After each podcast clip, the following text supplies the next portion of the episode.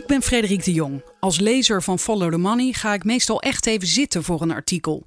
Verhalen waar zo lang aan gewerkt is, kun je bijna niet in vogelvlucht tot je nemen.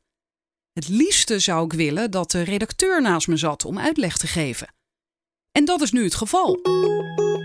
Spreek hem eens in. Frederik vraagt door. De podcast van Follow the Money. I know you're gonna dig this. Mira Seijs, je artikel staat online. Waar gaat het over? Uh, mijn artikel gaat over de zoutwinning in Friesland, nabij Harlingen. En ook over het feit dat er um, bepaalde effecten meekomen met die zoutwinning. Bijvoorbeeld bodemdaling, waar ook omwonenden zich echt zorgen om maken. En deels natuurlijk ook door die gaswinning in Groningen en de effecten daarvan. Ja, de gaswinning Dus, in eh, Groningen, die, die kent iedereen inmiddels. Maar, maar zoutwinning in Friesland, hoe Ja. kwam je daar zo bij? Ja, dat is inderdaad eh, wel grappig dat het. eh, ik dacht ook in het begin toen ik het hoorde van zoutwinning in Friesland. Maar eh, onze hoofdredacteur komt uit Harlingen. En die had al een keer daar iets over verteld. Over, ehm, ja, er is, eh, daar wordt zout gewonnen en daar zijn mensen niet zo blij mee. En toen dacht ik echt van, dit is interessant, dit klinkt interessant. Want hij had volgens mij zoiets van, ja, ik weet dit en de mensen in mijn omgeving weten dit. Maar toen ben ik meer gaan kijken en toen zag ik dat er ook effectief actiegroepen waren. En eh, ja, echt mensen die heel boos waren ook over die zoutwinning. En vandaar dacht ik van ja, dit is wel echt het waard om het uit te zoeken. De titel is Zout laat Friesland zakken. Na sneeuwval wordt er weer druk met zout gestrooid op de wegen. Dat zout wordt deels uit de diepe bodem van Friesland gehaald. Met vergaande gevolgen. De bodem zakt. Omwonenden zijn ongerust, want voorspellingen over de effecten van mijnbouw waren al vaker verkeerd. Follow the Money zocht de Friese zoutwinning tot op de bodem uit. Leuke woordgrap, Mira. en ik zag trouwens ook, jij bent nu redacteur grondzaken. Vind ik ook wel een leuke term. Ja, die eh, vond ik ook best wel leuk. Die heb ik samen met een paar collega's verzonnen. En dat is nog niet zo lang. Eh, nou, nee, officieel nog niet, maar wel al langer met het onderwerp bezig. Je bent ook met een ander groot project bezig. En daar heb je ook allerlei oproepen voor gedaan. Hè? Ja, zeker. Ja, een bodemproject. En dat gaat dan voornamelijk over de bodemvervuiling eh, in Nederland. En daar heb ik inderdaad eh, verschillende hele leuke tips voor binnengekregen. Dus daar ben ik nu druk mee bezig met het project verder uit te werken. De bochtige asfaltweg naar het zoutwinningsbedrijf Frisia Zout is bezaaid met het witte goud. Dichter bij de fabriek worden ook de bergen zout die er verwerkt worden zichtbaar. Op de parkeerplaats hangt een scherpe dieselgeur. En daar kan ik op verder klikken en daar staat dan, kijken, diesel wordt bij zoutwinning gebruikt om het dak te beschermen van de holte die na winning ontstaat. Het is de deksel op de zoutpot. Weet jij hoe dat werkt? Ja, eh, die diesel die drijft eigenlijk een soort van op die zoutlaag. En het nut van die diesel is, je wilt niet dat een caverne, dus die holte die ontstaat, wilt niet dat die zich verticaal ontwikkelt, want dan komt die dus meer naar boven en dan is er meer kans ook op bodemdaling. Je wilt liever dat die zich horizontaal ontwikkelt. En door die diesel daarop te leggen, wordt dat ook, gebeurt dat ook zo. De echt technische details weet ik er verder niet van, maar wel eh, dat de diesel echt gebruikt wordt om die caverne dan horizontaal te ontwikkelen. En zit daar bovenop dan nog een, een andere laag? Of is de, diesel de, de bovenste laag? De, van de winning is de, allee, van, van die holte dus, is de diesel de bovenste laag. Maar vaak zitten daarboven nog vele lagen grond. En, Want eh, anders zou die diesel vervliegen, lijkt me. Ja, precies. Nee, het, is, het is ook wel echt in de, in de diepe bodem, zeg maar, dat, die, dat die, het zout gewonnen wordt. Oké. Dirk van Tuinen wijst het raam van zijn kantoor uit in de richting van de Waddenzee. Daar ongeveer gaan we zout winnen. De Frisia-directeur pakt er een kaart bij, kijkt even goed en toont vervolgens de exacte locatie. Vanaf 2020 pompt zijn bedrijf daar vanaf een diepte van ongeveer 2200 meter via een schuine pijpleiding zout omhoog, vertelt hij. Op iets meer dan drie kilometer buiten de havenmond en de historische binnenstad van Harlingen. Over dat laatste maken verschillende mensen in de omgeving zich zorgen. Ongeoorloofd vindt Rinse Post, 78 jaar, inwoner van Wijnaldum, een dorp nabij Harlingen. En hij zegt: Als het twee kilometer verder van de kust was geweest, had ik er geen probleem mee gehad, maar dit is echt een slecht idee. In het verleden hebben we gezien dat de bodem ook daalde buiten het prognosegebied. Harlingen ligt daar nou net buiten. Het zou heel goed kunnen dat de stad schade ondervindt. Als gemeenteraadslid voor de lokale partij Harlinger Belang stemde Rinse Post in 1995 juist voor zoutwinning door Frisia Zout. Dat deed ik op basis van rapporten waarin stond dat zoutwinning geen schade zou veroorzaken. Daarbij was het goed voor de werkgelegenheid en de lokale economie, vertelt hij. Voor de lokale economie was de komst van Frisia inderdaad meer dan welkom. In 2011 was Frisia Zout goed voor de helft van alle havenactiviteiten in de industriehaven van Harlingen. Het bedrijf verschafte 80 directe en ongeveer 160 indirecte banen in een regio met relatief veel werkeloosheid. Die economische waarde betwist Rinse Post niet, maar over de onschadelijkheid van zoutwinning denkt hij en velen met hem nu heel anders. In 2012 ontstonden er flinke scheuren in zijn huis in Wijnaldum. Ook bij andere gebouwen in het dorp, waaronder de kerk, verschenen scheuren in de muren. Voor Post en andere omwonenden was de oorzaak duidelijk: zoutwinning en de daaropvolgende bodemdaling. Eventjes over die uh, zoutwinning heb jij hier een kader tussendoor waarbij staat gratis geld uit de grond. Zoutwinning uit de bodem is een lucratieve industrie, lees ik hier. De grondstof is zo makkelijk te winnen tegen een zo geringe investering dat het verbazingwekkend is dat zich niet meer dan drie huidige spelers op de Nederlandse markt aandienen.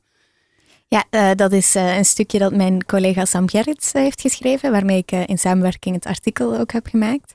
En ja, hij zei inderdaad van het verbaast me best wel dat er niet meer spelers op hier op deze markt zijn, want het is gewoon best wel makkelijk.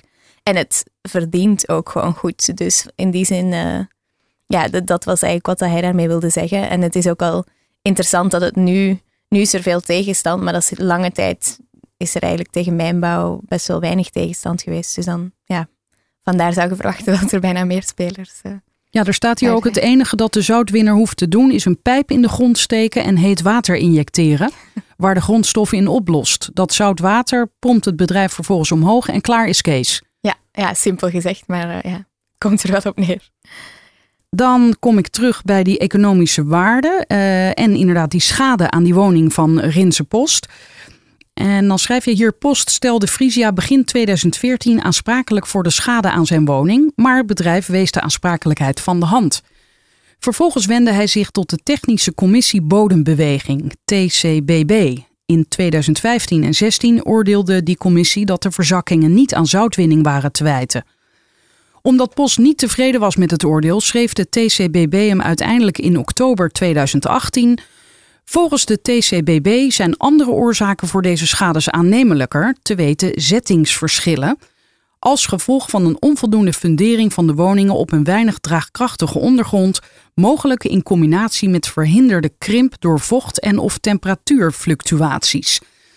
Met andere woorden, ook indien er geen sprake was geweest van bodemdaling als gevolg van de zoutwinning, zouden deze schades aan de woningen en de kerk waarschijnlijk zijn opgetreden. Ja, waarschijnlijk, zeggen ze zelf. Ja. Dus wel een hele, lijkt een makkelijke uitvlucht. Ja. Post vindt dat ook wat al te gemakkelijk, schrijf jij. Beter hadden ze op voorhand goed gemeten in plaats van achteraf te beredeneren. Op eigen kosten repareerde Post de scheuren in zijn huis voor 35.000 euro. Zo, dat is uh, ja, niet gering. Niet min, nee. Sindsdien strijdt hij voor een snelle en transparante schadeafwikkeling voor anderen. Hij hoopt te voorkomen dat zij, net als hij ooit, van het kastje naar de muur gestuurd worden. Daarbij probeert hij niet zozeer grieven als wel feiten te verzamelen. Want, zo heeft hij geleerd, grieven falen. En inmiddels is dat ook zijn slagzin. ja, jij bent bij hem op bezoek geweest. Ik zie Ja. hier een foto die jij Ja. hebt gemaakt van hem. Daar zit hij aan tafel met al zijn papieren over deze kwestie voor Ja. zich. Eh, hij lacht een beetje op de foto. Hij heeft inderdaad, hij richt zich op de feiten en is niet totaal gefrustreerd. Nou, hij is eh, wel een beetje gefrustreerd natuurlijk, na al die jaren. Maar hij probeert, ja, hij, beseft ook zelf dat frustraties niet zoveel helpen. En daarom probeert hij dus echt eh, een map met al zijn allemaal gegevens bij te houden. Hij drukt ook alles nog af. En eh, ja, op die manier probeert hij gewoon zoveel mogelijk informatie te verzamelen. Het is wel wrang dat hij inderdaad als, als raadslid ooit voor die zoutwinning Ja. stemde. Ja, met z'n allen eh, hebben ze voor de zoutwinning gestemd. Ja, ja. Dus dit is echt een voorbeeld van voortschrijdend inzicht. Nou ja, voor hem, ja, ja, zeker. Dan staat hier nog een kader. Schade door wat staat erbij. Dat is wat langer. Ehm, even kijken. In de omgeving van Harlingen wordt naast zout ook gas gewonnen. Deze gestapelde mijnbouw maakt het lastig om aan te tonen dat een van deze afzonderlijke praktijken schade veroorzaakt. GroenLinks pleit er daarom voor de gestapelde mijnbouw overal af te schaffen. Er is voortdurend gesteggel over wat precies het gevolg is van welke bodemactiviteit. Dat zegt Tweede Kamerlid Tom van der Lee. Zeker in gestapelde gebieden is het moeilijk om dat specifiek toe te wijzen. En dat leidt dan weer tot allerlei issues over verantwoordelijkheid en schadeverhalen.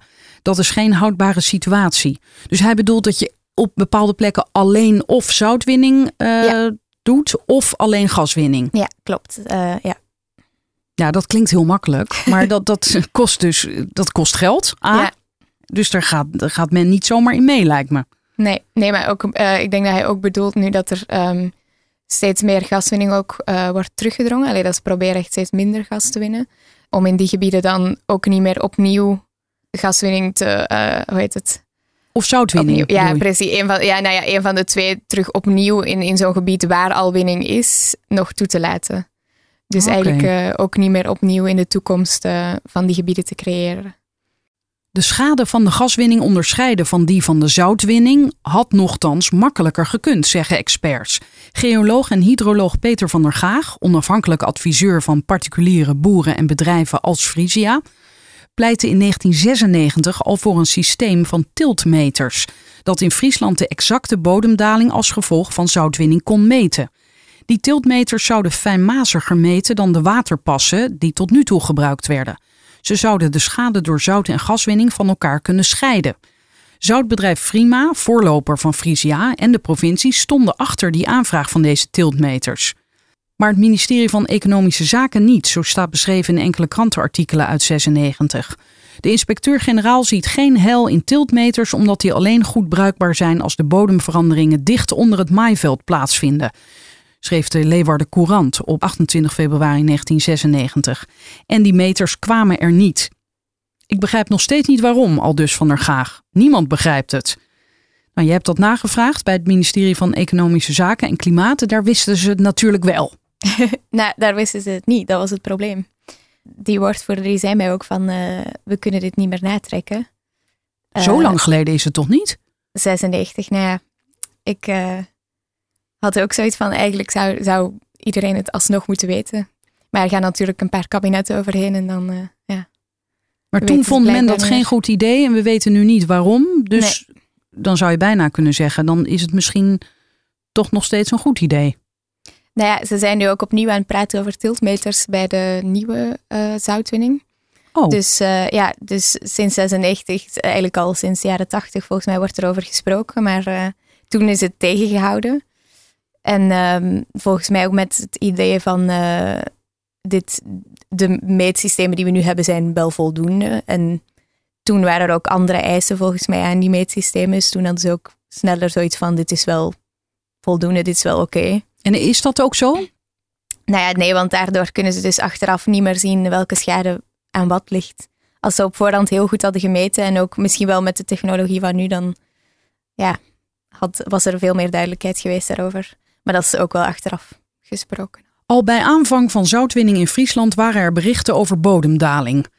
Netmag, een ander zoutwinningsbedrijf in het Groningse Veendam, reserveerde in dat jaar 10 miljoen gulden om eventuele schade als gevolg van bodemdaling door zoutwinning nabij het dorp Trips Compagnie te betalen. In Friesland kreeg in 1996 Frima, de voorloper van Frisia, een subsidie van 12,5 miljoen gulden ongeveer 5,7 miljoen euro, om zout te winnen. Het kleine bedrijfje bleek niet bestand tegen giganten als Axo Nobel. Dat ging in 2000 failliet. De Duitse zoutgigant Kali und nam de boel over en herdoopte de Friese tak in Frisia zout. En dan komen we bij een kader eh, dat jij hebt genoemd wat we weten over zoutwinning. Zoutwinning zorgt altijd voor bodemdaling. Soms leidt dit tot schade aan gebouwen, infrastructuur, de natuur of de inrichting of gebruiksmogelijkheden van het land. Zo schrijft Staatstoezicht op de mijnen in het rapport Staat van de sector zout in mei 2018. Oké, okay, dus dit is nu als feit vastgesteld. Dus zoutwinning ja. leidt altijd tot bodemdaling. Ja, ja. Dat wordt niet langer ontkend. Nee.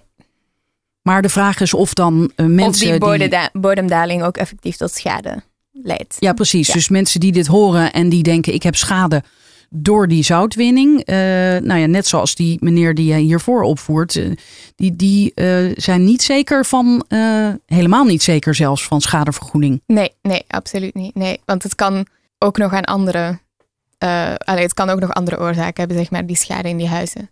En dat wordt dan ook vaak gezegd als, ja, excuus kunt je niet zeggen, maar Nou als andere uitleg, ja. Ja, net zoals bij de gaswinning. Hè. Er wordt ook van alles bijgehaald. Straaljagers die overvliegen. en, ja, serieus. Ja.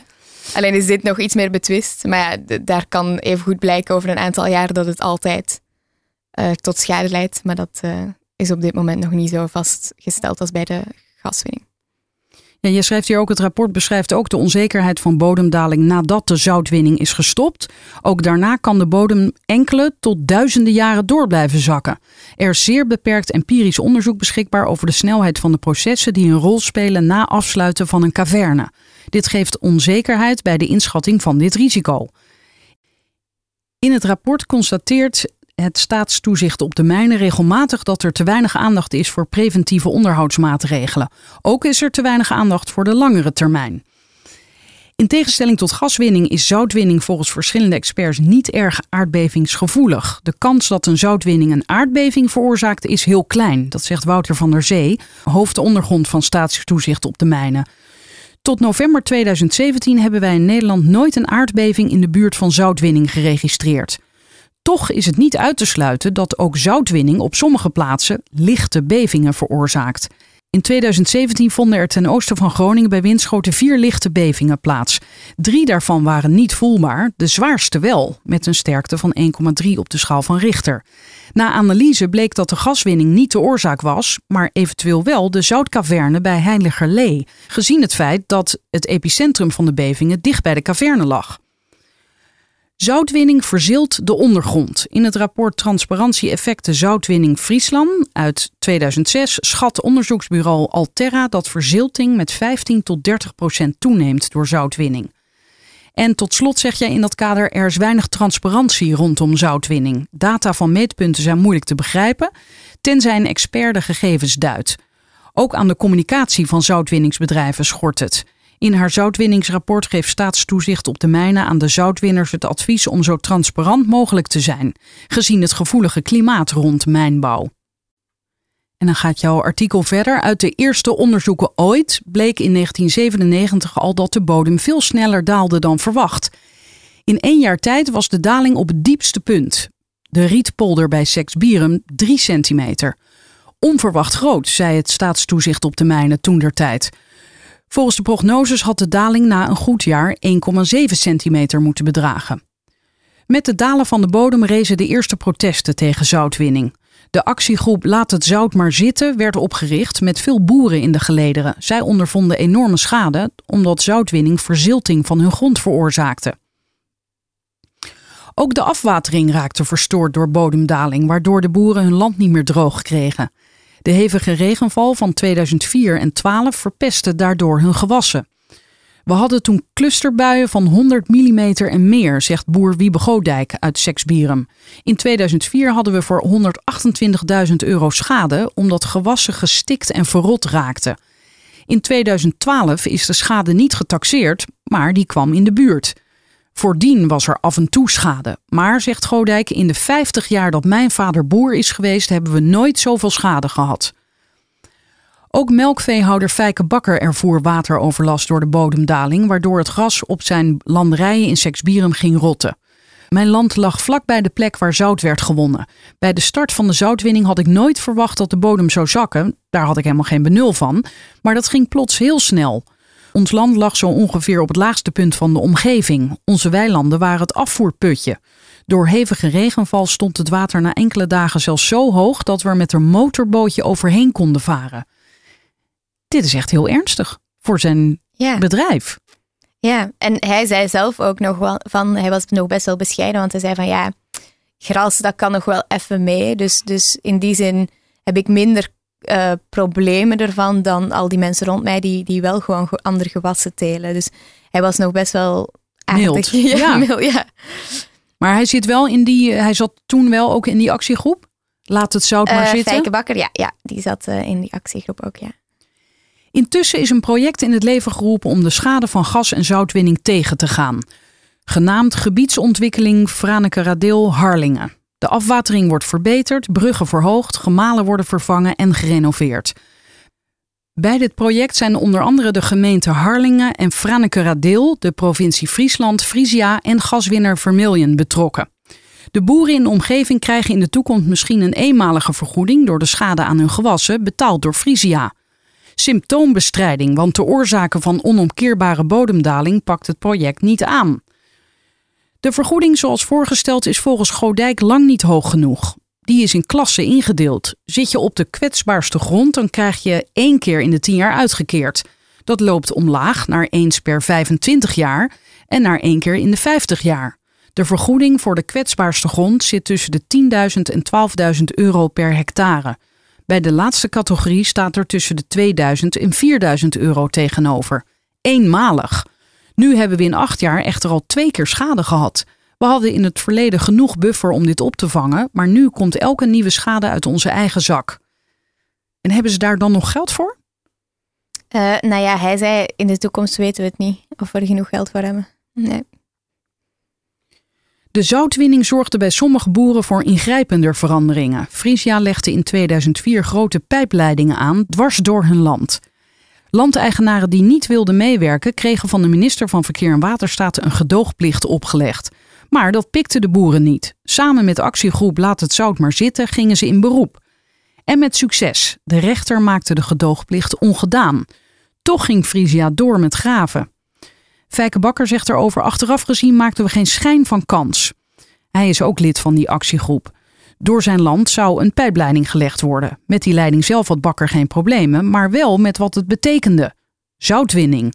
Het ging om zo'n 1200 hectare goede grond, maar dat zout moest worden gewonnen. Die pijpen moesten van A naar B en liefst zo recht mogelijk. Door een koninklijk besluit in 2004 op vraag van de minister van Verkeer en Waterstaat werd de uitspraak van de rechter ongedaan gemaakt in het kader van het algemeen belang. Dat kan dus. Ja, daar uh, schrok ik ook best wel van. Ik uh, wist niet dat de uitspraak van de rechter zomaar aan de kant kon worden geveegd. Maar ja, dat is wel wat hier, uh, hier gebeurd is. En is, is daar een enorme uitleg bij? Of, want hier is het één zinnetje in het kader van nou het algemeen er is, belang. Er is wel uh, een document waarin inderdaad die uitspraak wordt toegelicht. Uh, maar dit was waar het op neerkwam. Dus ja. En dat betekende dus dat Frisia de leidingen mocht leggen. Een van de argumenten die werd aangevoerd was het belang van Frisia voor de haven van Harlingen. De boeren die op voorhand wel instemden met leidingen door hun land kregen daar een royale vergoeding voor. Dat ging om basisvergoedingen van 50.000 tot 100.000 euro.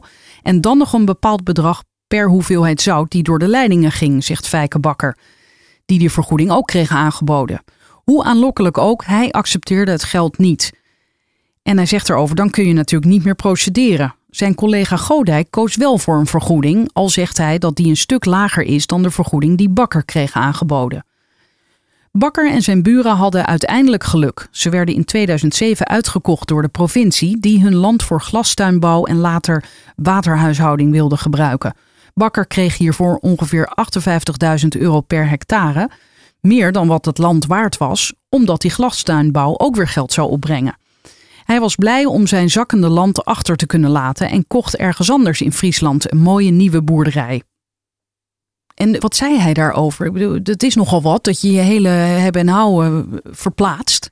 Ja, maar hij had zoiets van ja, het is hier toch aan het zakken. Dus in die zin uh, vond hij het ook niet zo heel erg. En, en ja, hij zei in het begin was het natuurlijk wel even wennen, maar we bleven toch in Friesland en mijn kinderen zijn er ook blij en uh, zijn vrouw ook. Dus, dus uiteindelijk voor hem is het wel goed gekomen. Maar hij zei ook wel dan van ja, andere boeren die dan naar hier zouden moeten komen, die zouden ook wel twee keer nadenken of ze op die locatie hun boerderij willen, want er zijn toch risico's uh, aan verbonden. Ja, want dat vraag ik me ook af. Die, die glastuinbouw die daarvoor in de plaats kwam, die heeft geen last kennelijk van die bodemdaling? Nou, die glastuinbouw, ik denk dat het uiteindelijk waterhuishouding is geworden, maar die glastuinbouw, het idee daarvan is dat, je, dat het niet zo heel veel uitmaakt hoe die grond ervoor staat. Dus vandaar dat ze, ik weet niet precies hoe glastuinbouw in zijn werk gaat, maar um, dat is net een ideaal iets om daar te doen, omdat dat, uh, die glasaanbouw minder last heeft van, uh, van wateroverlast, uh, zeg maar. Dus daarom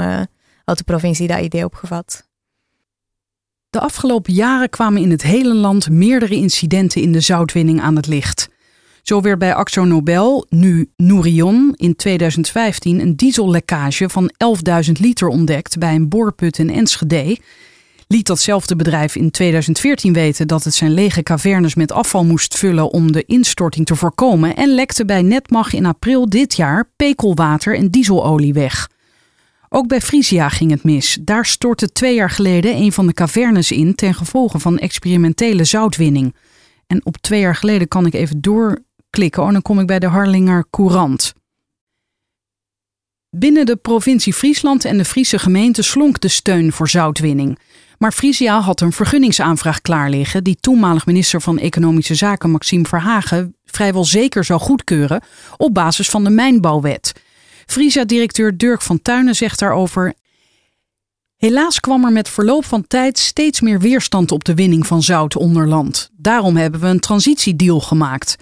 Het bedrijf liet ook een milieueffectrapportage doen waaruit bleek dat zoutwinning op zee minder schade zou veroorzaken dan op land. De vergunningsaanvraag trok Frisia niet zomaar terug.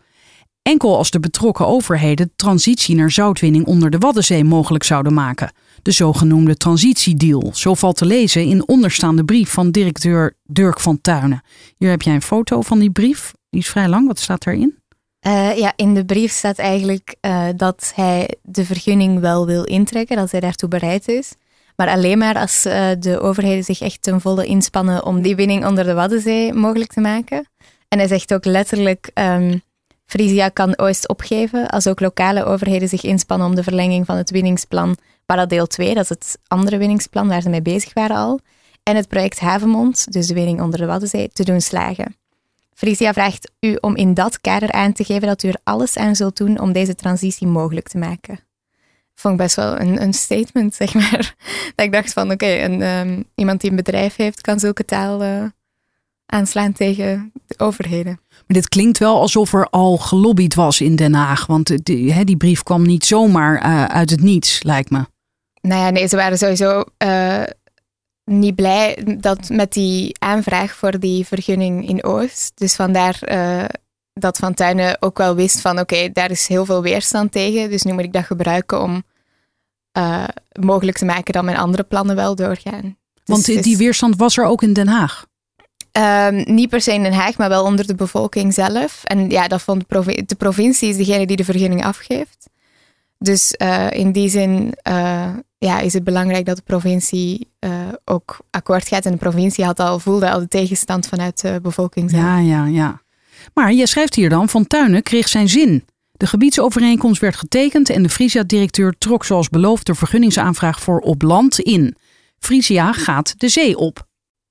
Dat Frisia in 2020 vlak bij de kust van Harlingen zout wil winnen, zorgt opnieuw voor opschudding. Inwoners van het pittoreske stadje zijn bang voor de schade aan hun panden, iets waar Rinse Post zich als een van de eerste druk over maakte. Uiteindelijk richtte een groep huiseigenaren, erfgoedorganisaties en beheerders van kerken daarom de stichting Behoud Historisch Harlingen, SBHH, op. Deze stichting wil van Harlingen een pilot maken op het gebied van zoutwinning om te laten zien dat het wel kan. Een goede samenwerking tussen overheid, particulieren en mijnbouw. Bij Economische Zaken en Klimaat juichen ze het initiatief toe. En er wordt over gezegd het past in een breder zoekproces naar een constructieve interactie met de omwonenden van de mijnbouwactiviteit en de betrokken decentrale overheden. Het ministerie ziet in de pilot een mogelijke blauwdruk voor andere plekken in Nederland. De Stichting Behoud Historisch Harlingen heeft als voornaamste doel zoutwinning schadeloos te laten verlopen. Ze heeft ervoor gezorgd dat er deze keer tiltmeters komen in de Harlingenstad om zo de bodemdaling nauwgezet in de gaten te houden. De tiltmeters nemen de onrust over de zoutwinning niet weg. De zorgen reiken tot in de Tweede Kamer. Zo wordt duidelijk in een algemeen overleg over mijnbouw op 11 oktober 2018 tussen de vaste Kamercommissie voor Economische Zaken en Klimaat en minister Erik Wiebes. Verschillende Kamerleden vrezen voor de risico's. Frank Wassenberg van Partij voor de Dieren is daar één van. Hij zegt in 2015 al stelde de Onderzoeksraad voor Veiligheid dat onzekerheden onlosmakelijk verbonden zijn met activiteiten in de diepe ondergrond. Mijnbouw is dus nooit gegarandeerd veilig. Vanwege die risico's is zijn partij, net als de SP, de PvdA en GroenLinks, tegen de geplande zoutwinning onder de Waddenzee, verklaart hij. Risico's worden categorisch onderschat. Er schade aan woningen en bedrijven ontkennen alle betrokkenheid. We zagen het bij de gaswinning en we zien het nu ook bij de zoutwinning. Dat de inschatting van bodemdaling wel eens fout gaat, beaamt Adriaan Houtenbos. Hij werkte jarenlang voor de NAM als hoofd van een afdeling die verantwoordelijk was voor het controleren van de bodemdalingsvoorspellingen van het bedrijf. Die klopte nooit, zegt hij. Echt letterlijk nooit. Telkens wachten onverwachte zaken. Met alle hens aan dek probeerde men daar een verklaring voor te vinden, maar dat is niet zomaar mogelijk. Het is geen kwestie van even een blik wetenschappers opentrekken en het raakt opgelost. Ik heb nog nooit gezien bij al die incidenten dat het komt tot een fatsoenlijke probleemanalyse. Nog dat die gepubliceerd wordt, zodat het algemene kennis wordt. Ook bij de zoutwinning in Wijnaldum en omstreken is de bodem sneller gedaald dan was ingeschat. Per 1 juli 2013 zou de bodem volgens een brief van toenmalig minister Verhagen 15 centimeter lager liggen. In 2005 lag het diepste punt al op 32 centimeter. In onze eerste concessies zijn we veel sneller op de limiet terechtgekomen, beaamt Frisia-directeur Dirk van Tuinen. Oorspronkelijk werd gedacht aan drie zoutcavernes. Uiteindelijk zijn er maar twee aangelegd, omdat de wisselwerking tussen de eerste twee cavernes veel groter was dan verwacht. Ja, de wisselwerking, wat houdt dat in? Ja, doordat ze, als ze niet ver genoeg uit elkaar liggen, dan heeft het ene effect op het andere. Dus dan hebben die bewegingen, dan, dan hebben die weer effect op elkaar. En kan het zijn dat de bodem sneller daalt dan bij de allebei afzonderlijk, zeg maar. Oh ja, want hier schrijf je ook dat Fontuinen dat zegt. Wat er gebeurde is dat onze eerste twee zoutcavernes elkaar op diepste punt gingen overlappen. Dus ook leuk dat de directeur daar zelf achter moest komen. Dus hij wist het van tevoren ook niet. Nee, nee, niemand wist het van tevoren. Ja, dat is, dat is ook het gekke in deze situaties. Nog een derde caverne ernaast had meer bodemdaling dan 35 centimeter. En dat is de maximaal toegestaande bodemdaling veroorzaakt. Het bedrijf produceerde dan ook nooit de beoogde 18 miljoen ton steenzout die het wilde produceren. Slechts ongeveer de helft daarvan. Oh, want wat naar boven wordt gehaald is uh, steenzout, om precies te zijn. Ja, ja, ja. Zo heet het zout dat waarmee wordt gestrooid op de wegen. Onder andere, ja. Is, is dat eigenlijk het enige waarvoor het gebruikt wordt? Nee, het wordt ook in de chemische industrie gebruikt en uh, in de vee-industrie, begrijp ik. Aan, ik moet nu denken aan die stenen waar koeien aan likken. Ja, dat, uh, ja echt. Onder andere. Ja. ja. die zijn ook zout. Ja, ja. steenzout. ja. In haar nieuwe concessie Barradeel 2 zijn de cavernes daarom verder van elkaar weg aangelegd. 2,5 tot 3 kilometer bij elkaar vandaan. Zo is het leven, zegt Van Tuinen. Aldoende leert men. Ja, zeg, hallo. nou ja, en kennelijk uh, wordt hij daar, ja, is men het daarmee eens of zo? Of hij wordt er in ieder geval op aangepakt. Hij wordt hier niet op aangepakt. Nee. nee, nee. Om te voorkomen dat er iets ernstig misgaat, hanteert minister Wiebes het hand aan de kraan principe. Bij signalen van problemen of een te snelle daling wordt de winning afgebouwd om uiteindelijk te stoppen. Maar volgens verschillende experts is dat wat te kort door de bocht. Dat hand aan de kraan principe klopt helemaal niet. Dat zien we nu al jaren, zegt oud-NAM-werknemer en bodemdalingsexpert Adriaan Houtenbos. Niet voor de gaswinning, niet voor de zoutwinning. Als er een lek is in het cavernedak, een caverne instort of een leiding lekt, is dat niet meer te recupereren en gaat de daling soms veel sneller dan gepland. Die daling kan dan nog jaren doorgaan zonder dat iemand er nog iets aan kan doen. En dan kom ik bij een kader over een ingewikkelde boormethode. Wat valt daarover te zeggen? Ja, uh, dit uh, is, is ook een deel dat uh, mijn collega Sam heeft geschreven. En dat gaat er eigenlijk over dat um, de zouten um, waarheen, waar Frisia doorheen gaat boren, dat dat blijkbaar um, best wel lastig zouten zijn. Dus de Zegstijn-zoutgroep, als ik het goed zeg. En um, dat die al vaker in het verleden problemen, voor problemen hebben gezorgd bij boringen. Dus dat het een redelijk risicovolle boring is door die zouten. En, maar dat is niet te vermijden, want dat is nou eenmaal het zout dat in dat de bodem is wat zit. Daar, uh, wat daar zit, blijkbaar. En daar is, uh, waar precies? Waar Frisia nu gaat boren is bij Harlingen. Ja, ja, ja. ja, ja, ja. Dus dat, wa dat, was dus niet het geval op de plekken waar ze al geboord nee. hebben. Dus op de nieuwe plek wordt het alleen maar lastiger. Begrijp ik dat goed? Dat, ja, dat is uh, volgens okay. mij wat, uh, wat het geval is. Frisia heeft ongeveer 16 tot 17 miljoen euro toegezegd voor het gebiedsproject Gebiedsontwikkeling Franekeradeel Harlingen. De voornaamste aanleiding om voor dit gebied een plan te maken is het gegeven dat er in de afgelopen jaren problemen zijn ontstaan in de waterhuishouding. Dat komt omdat de bodem daalt als gevolg van jarenlange gas- en zoutwinningen in dit gebied. Zo staat te lezen in het ontwerp inrichtingsplan uit 2010. Het project moet de gevolgen van de bodemdaling dus tegengaan. Maar niet alles kan verholpen worden. Wat gezakt is, kan niet meer omhoog. De verzilting neemt steeds verder toe. Dat is onomkeerbaar, zegt melkveehouder Fijke Bakker. Tegenwoordig wordt daarom af en toe aan de akkerbouwers geopperd om zeekraal te telen. Oh ja, want dat is toch al zout.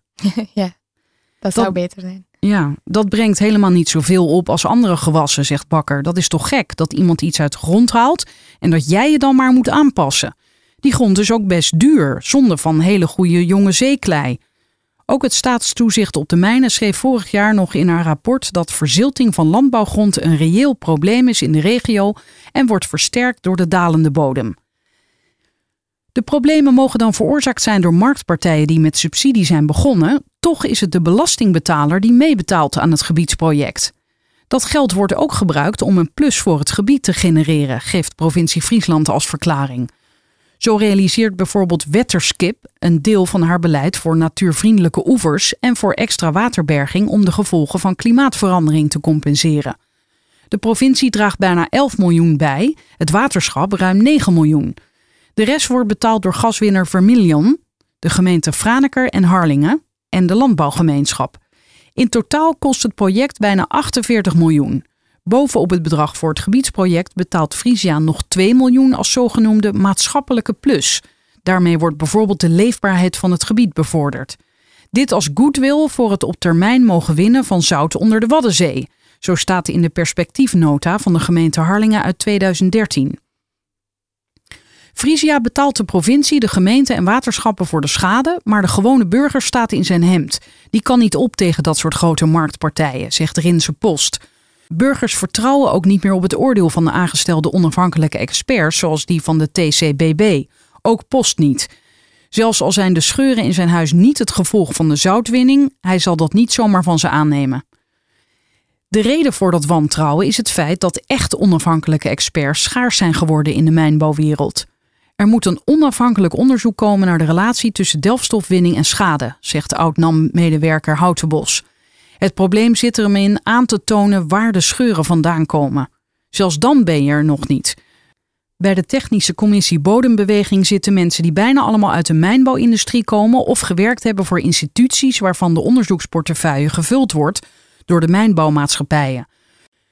Bijna iedereen die iets van mijnbouw weet, werkt of heeft gewerkt bij de NAM, BP, Shell en dat soort bedrijven.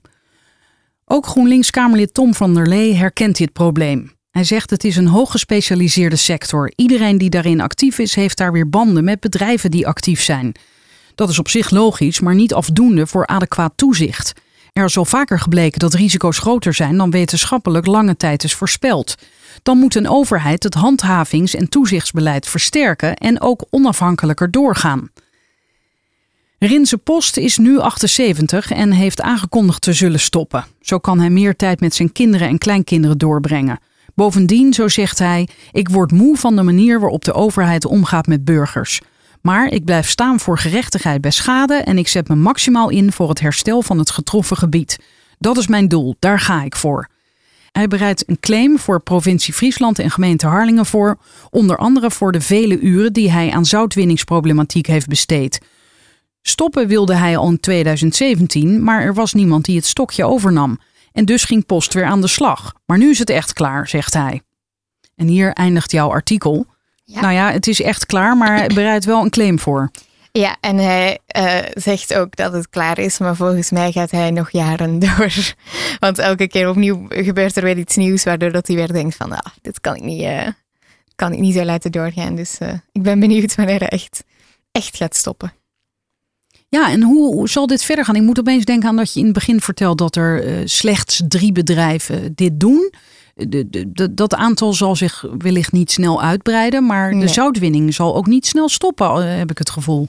Nee, sowieso nu uh, onder de Waddenzee dus gaat het nog lang door, maar op andere plekken ook. Alleen begint hier en daar, uh, zeker in combinatie met die gaswinning in Groningen, wel echt meer weerstand te ontstaan. Zeker omdat dat nog een kwetsbaarder gebied is en omdat die beide ook weer effect hebben op elkaar. Dus zowel gaswinning als zoutwinning kunnen ook wel weer elkaar beïnvloeden. Dus daar, uh, ja, nou ja, ik weet niet of het snel zal stoppen, maar dat is toch wel verstandig, lijkt me dat het in die gebieden snel zal stoppen. Ja. En dan zijn er nog voldoende andere gebieden waar het kan worden gedaan? Of? Ja, er zijn ook andere. Dat is ook wat dan mensen vaak in Harlingen zeggen: van dit is een bewoond gebied. Uh, Nederland is überhaupt best wel klein en, en uh, veel bewoond. Dus dan ja, is het lastig om plekken te vinden waar het echt geen effect heeft. En er zijn andere landen waar ook een zoutlaag onder zit, waar misschien wel makkelijker een plekje kan worden gevonden waar het niet direct effect heeft op uh, mensen in de buurt. Maar ja, op dit moment, ik denk ook dat het deels wel te maken heeft met het feit dat het voor Harlingen zo economisch zo belangrijk is, ook voor de haven. Dus dat dat ook wel een, een grote rol speelt in het feit dat ze daar zitten. Ja, want die werkgelegenheid, dat is natuurlijk een pluspunt. Ja, en die ja, economische waarde door de, de, de havenactiviteit. Ja, dus in die zin denk ik dat het ook wel een beetje een samenspel is van de mensen die willen dat ze daar zitten voor economische waarde en voor het gebied. En dan het bedrijf dat dan een plek nodig heeft om, uh, om te winnen. Om goed zout te winnen ook. Ja, ik vraag me opeens af, is het niet onderhand tijd voor een of andere moderne uitvinding dat we dat zout voor de wegen helemaal niet meer nodig hebben? Op zich. Een heel ander soort asfalt. Ja, of, maar het is, eh, de wegenzout, strooizout is volgens mij ook belangen niet de grootste um, Alleen waarin het meest zout gebruikt wordt. En die koeien die kunnen misschien aan iets anders gaan likken. Wie weet. Zo gespecialiseerd ben ik niet. Maar ik denk dat het voornamelijk ook de chemische industrie is waar het zout heel belangrijk is. Dat, zij hebben het grootste aandeel hierin ja, eigenlijk. Dat uh, ja, vermoed ik. maar ja, dat, dat uh, zo gespecialiseerd ben ik niet om te weten of Ga je hier nog wel mee door met dit verhaal of is het uh, voor jou afgerond?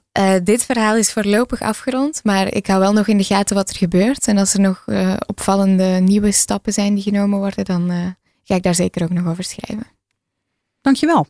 Graag gedaan. Wil je weten wanneer een nieuwe aflevering online staat? Schrijf je in voor mijn nieuwsbrief. Die vind je bij ftm.nl/slash Frederiek.